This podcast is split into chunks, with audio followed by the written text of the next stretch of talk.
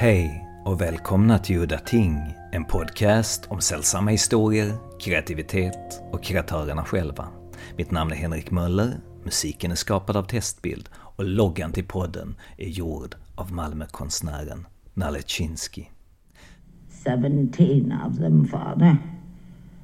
The first was that waitress uh, near Candlestick Park. I cut her throat and watched her bleed. She bled a great deal. It's a problem that I'm working on, Father. All this bleeding.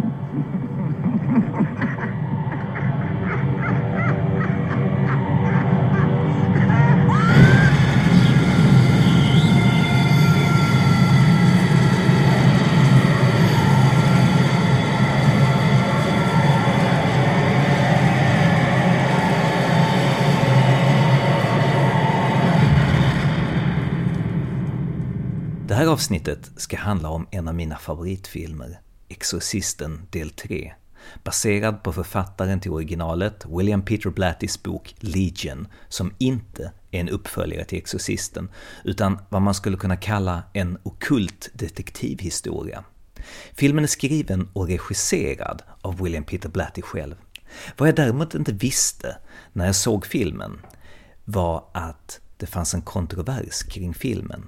Filmbolaget Morgan Creek hade ansett att Blattys version var för low key och tvingat honom att göra den till en mer ingående Exorcisten-uppföljare. Och framför allt behövdes en exorcism, en scen som skulle tryckas in i filmen. Jag ska nu försöka ge en snabb överblick över de två olika versionerna som bakgrund innan vi går in i samtalet med dagens gäst, eh, Michael Felcher. Nu blir det lite spoilers, vilket såklart är oundvikligt när man ska dissekera en film. Så här går det. William Peter Blatty skriver manuset efter sin bok Legion, men tillägger av okänd anledning karaktären Damien Karras från originalexorcisten, antagligen efter press från bolaget att använda sig av referenser.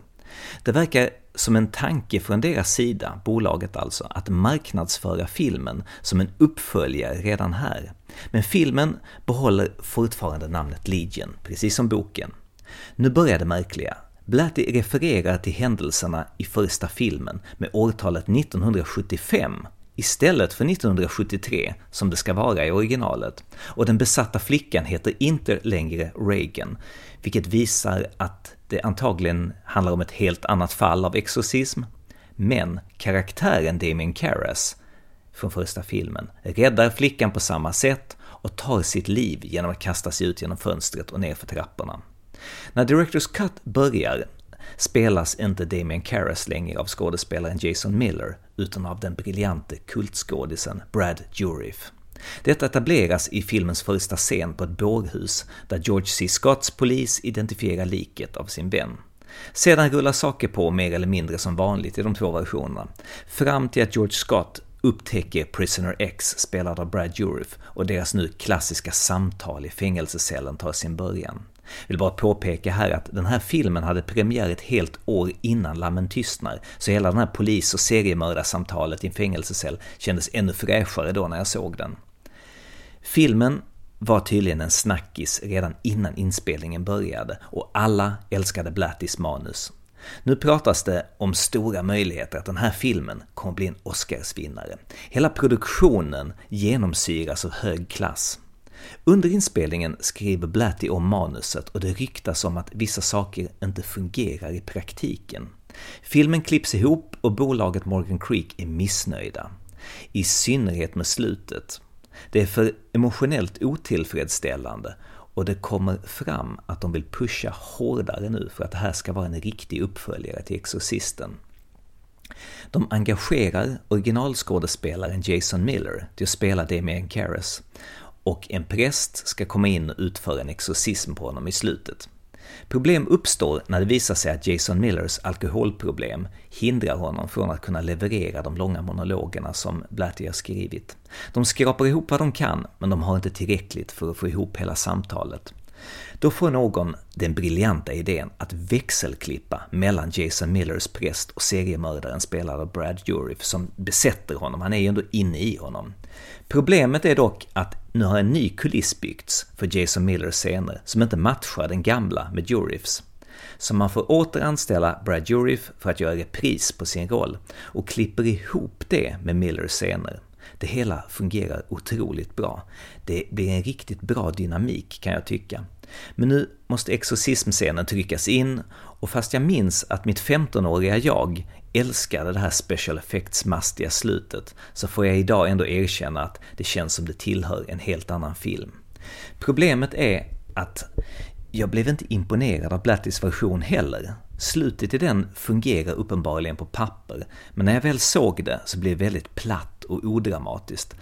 Först till exempel när mormorn räddar sitt barnbarn från den besatta sköterskan, som då av ingen anledning, just när hon håller på att strypa George Scott till döds, bara faller ihop på marken.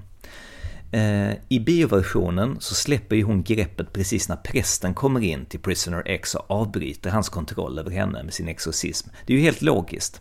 Så det var ju ändå ett plus på något sätt, rent logiskt sett. Sedan så kommer slutet direkt efter då, när George Scott bara går in och skjuter Brad Dourif. Ett väldigt intellektuellt slut, men utan någon större emotionell payoff.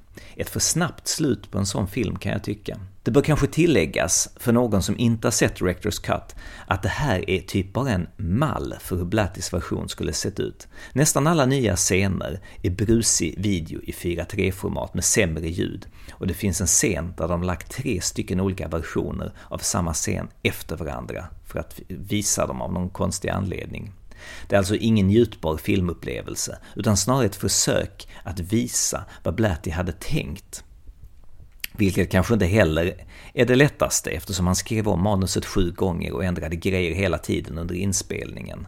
Mitt sista ord om det hela är att bioversionen, om än krystat tillfixad på sina ställen, är ändå en bättre version än Blattys originalversion. Men nu ska vi kasta oss rakt in i samtalet med filmforskaren och filmdokumentärskaparen Michael Felcher, som gjorde den sista och kanske enda intervjun med Blatty om Exorcisten 3. Gjord 2016, bara ett år innan Blatty dog. I was very excited to see the Blatty cut of the film, and when I finally saw it, I was really disappointed because you know I've heard about it. It sounds very good. That his version being more low key and more in tune with the rest of the film, and when I saw it, it was so low key. It was kind of anticlimactic, you know, as opposed to what we have now, the final thing that sort of goes over the top. Well, it's it, it, yeah, it's interesting, and this is a situation that uh, doesn't happen very often because usually when the studio comes in and takes a, uh, a movie over and wants to make changes to it, it's usually for the worst because they're they're seeing something more commercial or they want more big moments or they want more sort of you know audience friendly material to be in the film is usually what's going on and because the director has given them something that was a little bit too independent or a little bit too off kilter or a little bit off left of center. And the problem with uh, Blatty's cut when I finally got to see it is that it just ends. It just there's no he walks in there, he literally finds and just shoots him in the head and movie's over. And while I understand on a thematic basis why that works, uh, as a film it doesn't. It uh, it just doesn't work because the movie has feels like it's building up to something and then nothing happens, and it's just you're just like oh so you just the movie is over and you're just kind of sitting there going, well, wait, that's it. I mean, it just so honestly, I mean, I know I don't not want to take the movies the, the the studio side a lot of the times, but I can see from their perspective what the problem was. Um, I can see where they saw, oh, this movie doesn't really have an ending, and we wanted to have more of a connection to the original Exorcist. Can we get Jason Miller in there? Because that wasn't part of the original plan. The original plan was, and they shot it as Brad Dourif playing the character all the way through. he didn't share the role with Jason Miller. Well, also the problem with the Legion cut or the, the Blatty cut is that it's is close to an approximation of what his cut would have been because it wasn't fully finished. And so we had, you know, when they were putting that together, they had to kind of use what they had access to. And I, for me, I've always thought about what would a perfect version of The Exorcist 3 be? Now, this is just me speaking. I'm not speaking for William Peter Blatty or anybody else. I think, personally, and I kind of disagreed with Blatty on this regard, I think the marriage of Jason Miller and Brad Dourif in the role together works incredibly well. I, I think that Brad Dourif in that role by himself is fine, but there's something about the dynamic of having the both of them in there interchanging like that. I think it works brilliantly. I, I really uh, so so. However, it, they arrived at it, it was a very, I think, a very very strong decision, and I would have liked to have seen.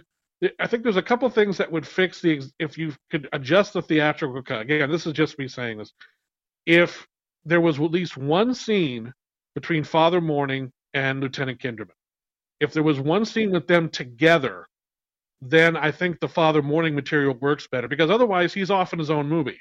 He never interacts with anybody else. So it's just kind of a weird, it's just like, oh, you can clearly tell that they put Nicol Williamson in this thing afterwards. But if there had been one scene between the two of them to have sort of a connection, that way when they see each other again at the end, it would have been there would have been something of a of a bond there, something that would have connected back to earlier in the movie.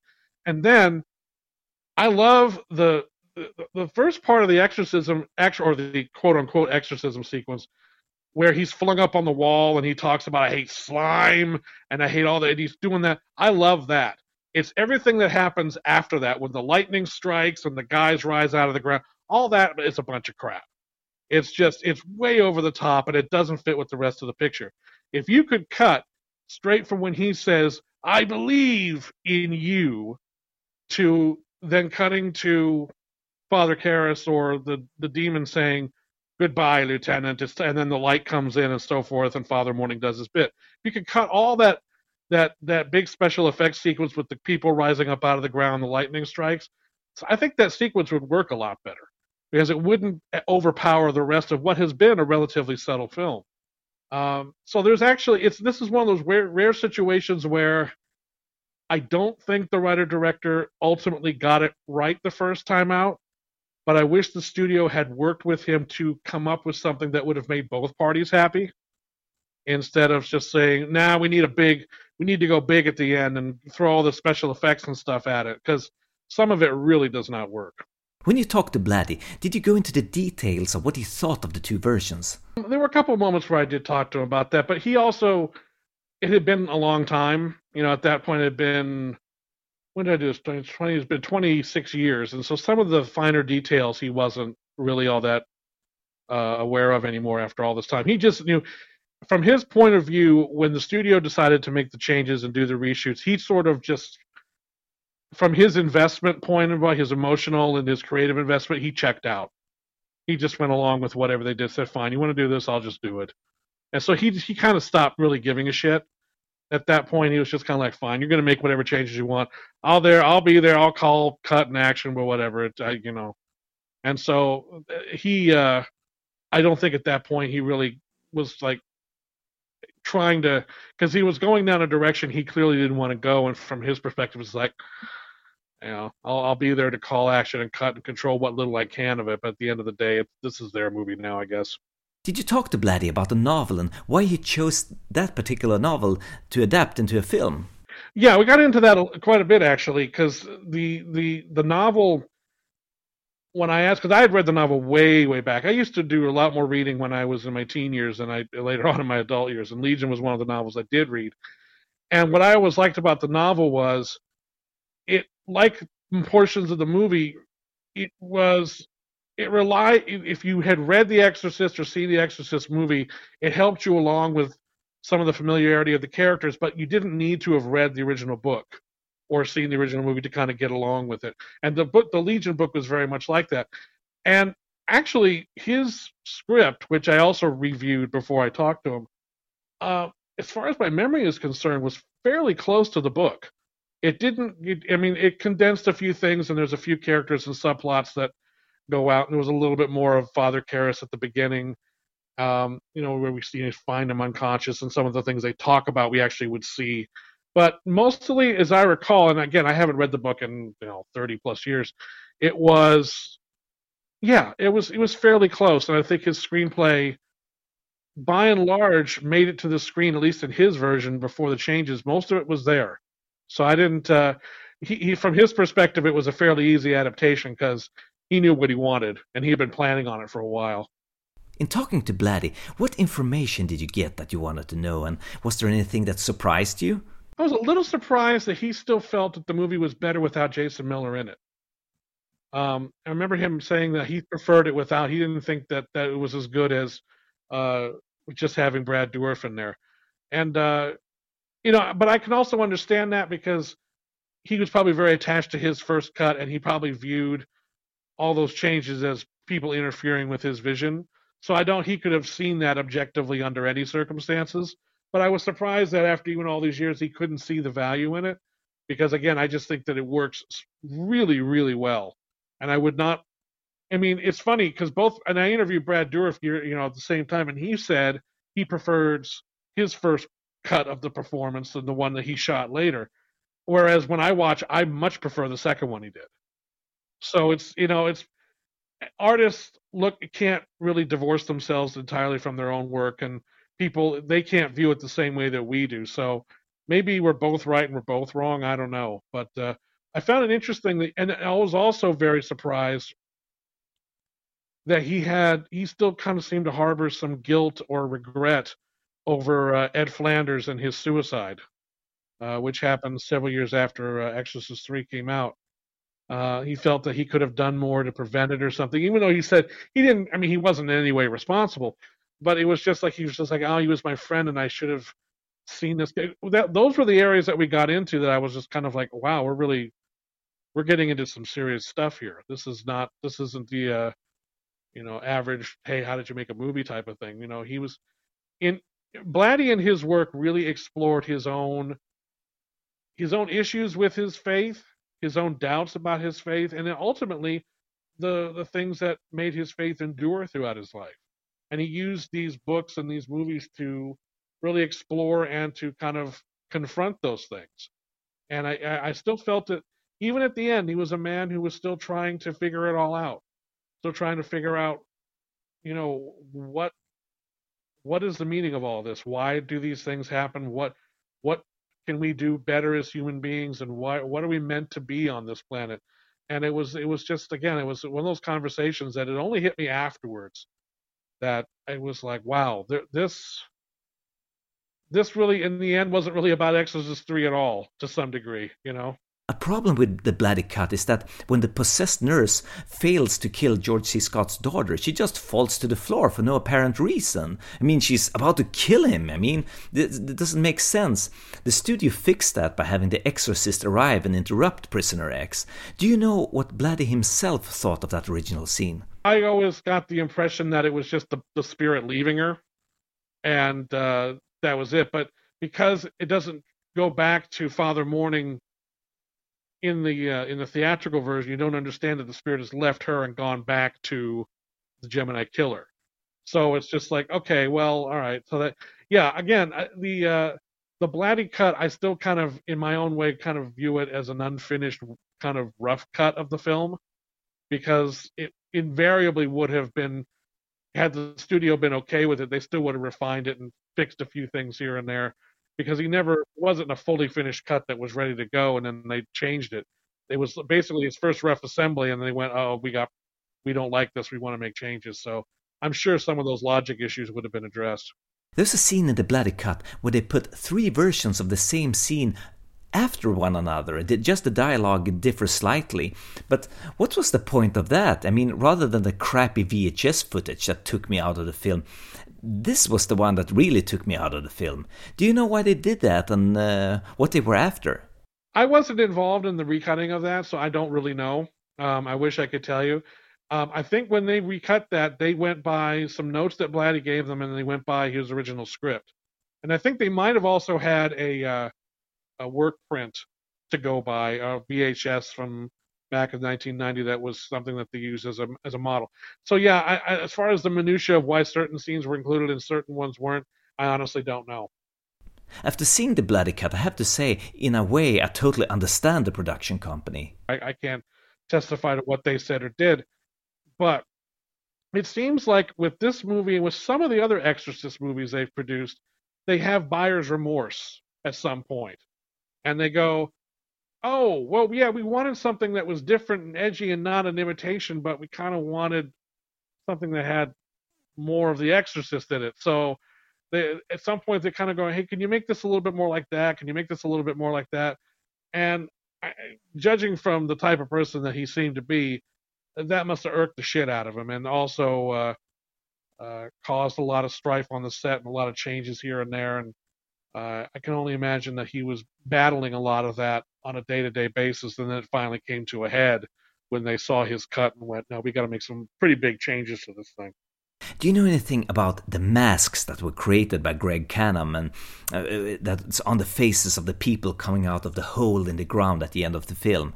They were hardly shown. Uh, was that Blatty's idea? Because the creation of those masks, that's kind of a di directorial decision, not, not something that a studio would do, but a director to be that specific, to hire someone to specifically design that effect. No, I can't really speak to that because again, I think, like I said, with with uh, with Blatty, I think he had sort of checked out at that point.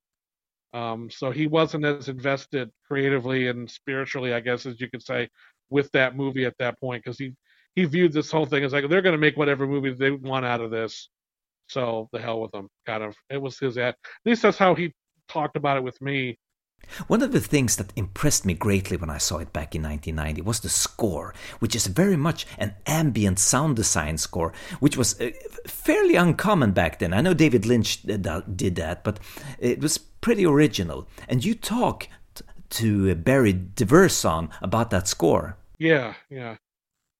Well, it's an electronic score for the most part. I don't think there's there's a lot of any orchestral work, and there may be some uh, um, you know some choral work, some vocal work, but it's mostly uh, um, he just yeah, and uh, he described it as sort of an atonal. It's meant to be almost a, a blend of sound effects and music. It's almost supposed to be like you're hearing the, the voice of the growl of the cre- of the demon within him at times, and uh, there's a very yeah, it, it almost plays like sound effects at, at times, and there's did he tell you about the sounds he used? Because some of the, some of those sounds sound like bears and lions. He did, yeah, he did. He used some growls and you know, kind of animal noises in there, and I think he modulated them several different ways, maybe even reversed a couple of them. And then there's that real guttural kind of ah, you know, kind of almost sounds like something like a flutter in your throat. That's been he would, yeah, he was very experimental in many ways because I got when we were doing the the the Blu-ray, I asked him, "Do you have a copy of your score?" Because it's never been released on anything. He said, "Yeah," and he actually sent me on DAT tape his score, and I listened to it as it was by itself, and I was surprised by how much of the uh, what I assumed were sound effects were actually elements of his score. And then, of course, there is that famous sound that makes everybody jump.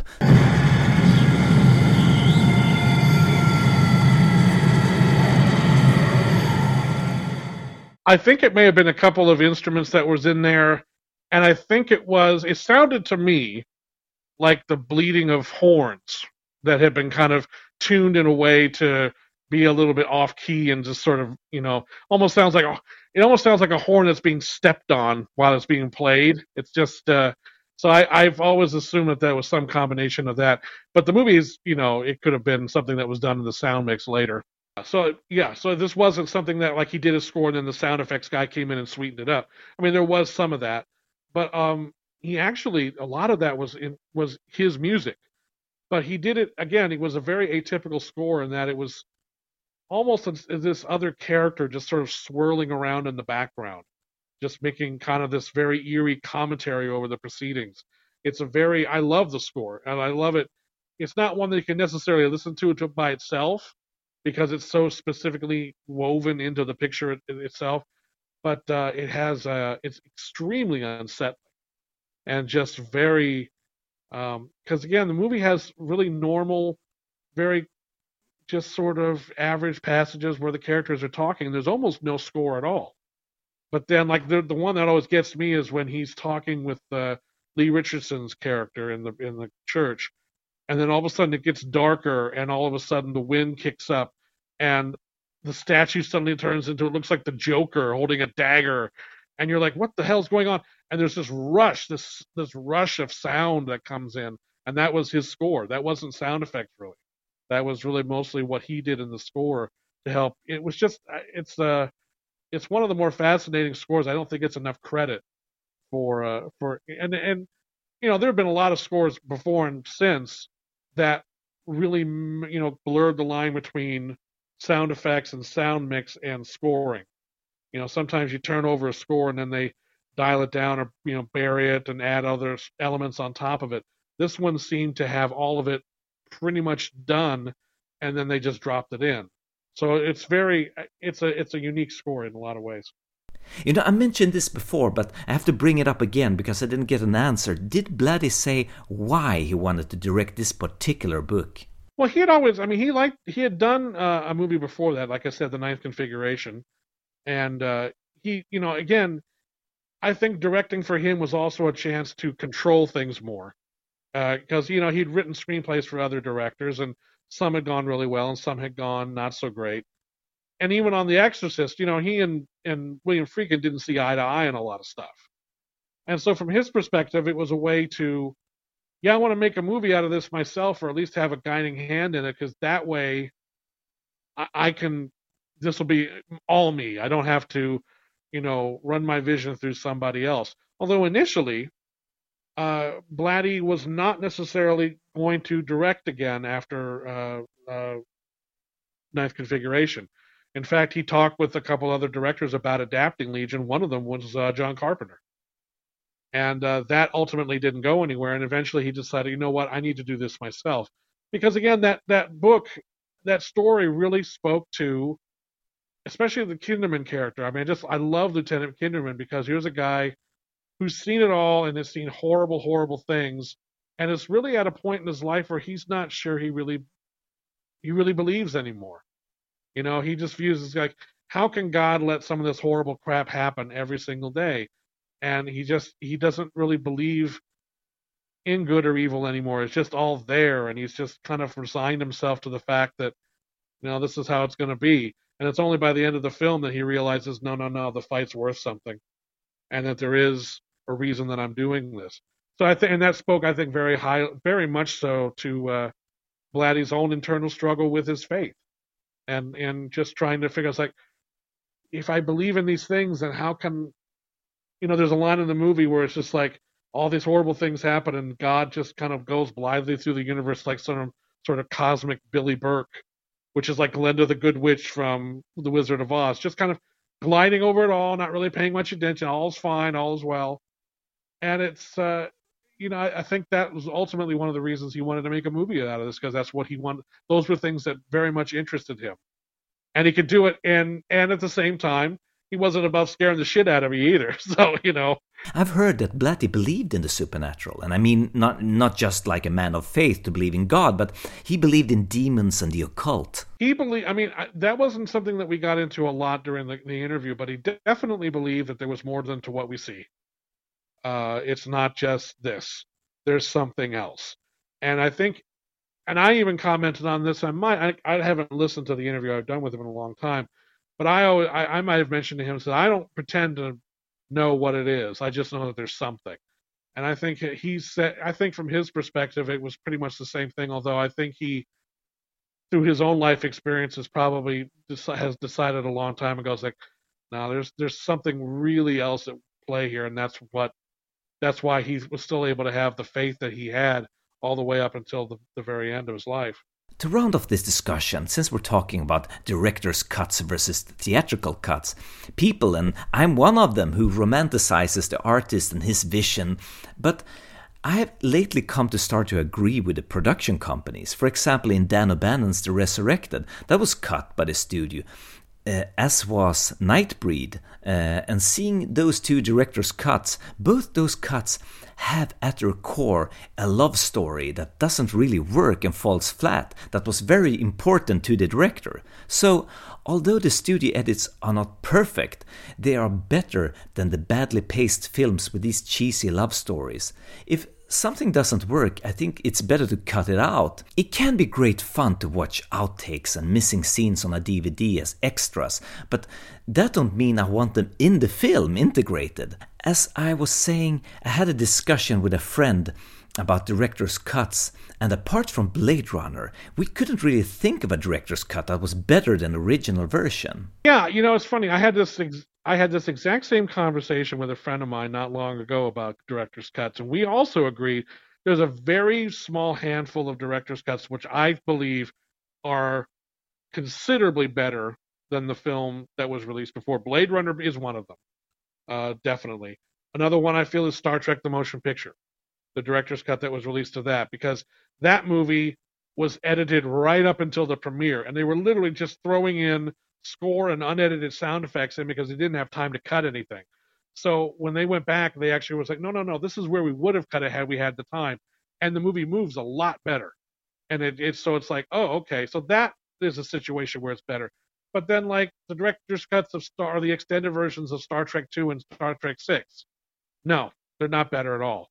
In fact, there it, Star Trek Six adds in some material which I wish they had never seen the light of day. It's really quite bad.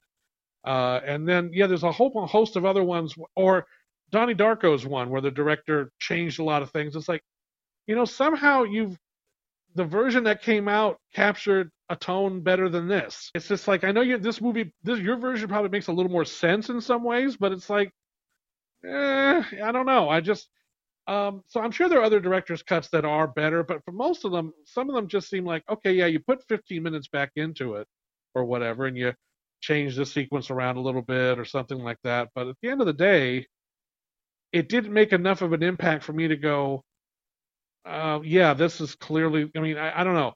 For me, a lot of it just seems like ephemera. One that goes back and forth with me all the time is Apocalypse Now. You know, he's done a couple different cuts of that, and it's funny. This was the one I really kind of harp on a lot because there's a scene in that movie that's been in the Redux version and the most revi- the most recently revised, which is the French plantation sequence, which happens right before they get to the Kurtz compound. I love that scene. I think that is a really interesting, very layered, very textured scene with some very uneasy acting in it, and just everyone's just kind of off kilter, and it's in, in and of itself, it's really interesting. I hate where it comes in the movie though, because at that point we need to get to Kurtz. We need to we need to get to there, and it just it's like it's too slow. Yeah, it's too it's too slow. It needed to be somewhere else in the movie or reconfigured in such a way so that it wasn't as slow. But again, I, in and of itself, I love it. But it's like no, no, no. Once we leave behind the Playboy thing and the whole thing, it's like we're, they go overnight and suddenly they're over at they're at Kurtz's compound. It's almost like they traveled to a whole other world. But the French plantation sequence interrupts that, and it kills the pacing. And you're just like, okay, we don't need this right now. We need to get we we thematically and we need to get to Kurtz now, and we don't need this right now. So as a result, it just kills the movie dead for me.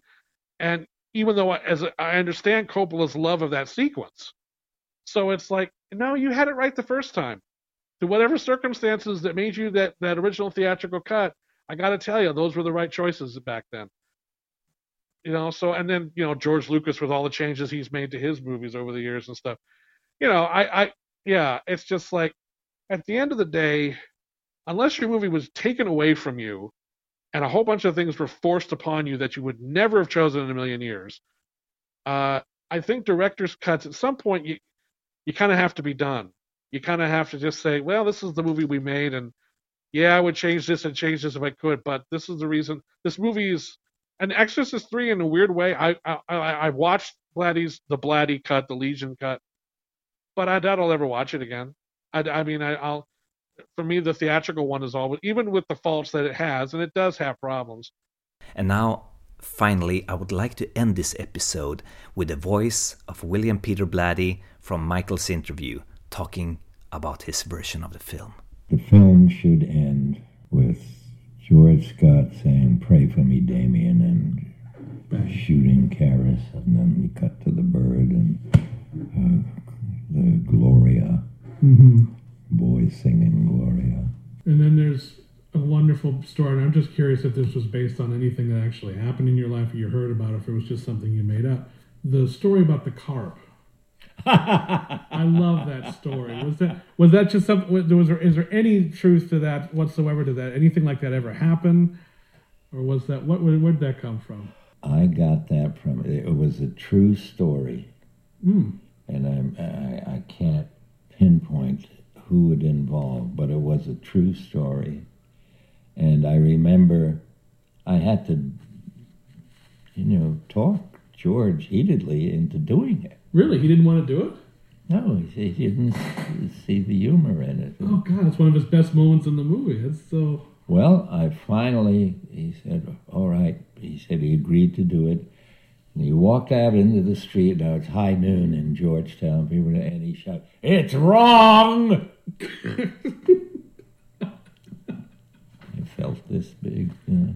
I imagine he could be an intimidating figure at times to deal with. Oh, he doesn't even have to try. No, he just has that in him. I mean, that's. Ja, och med de orden så var det slut för den här gången. Mitt namn var Henrik Möller, musiken var skapad av Testbild. Hej då!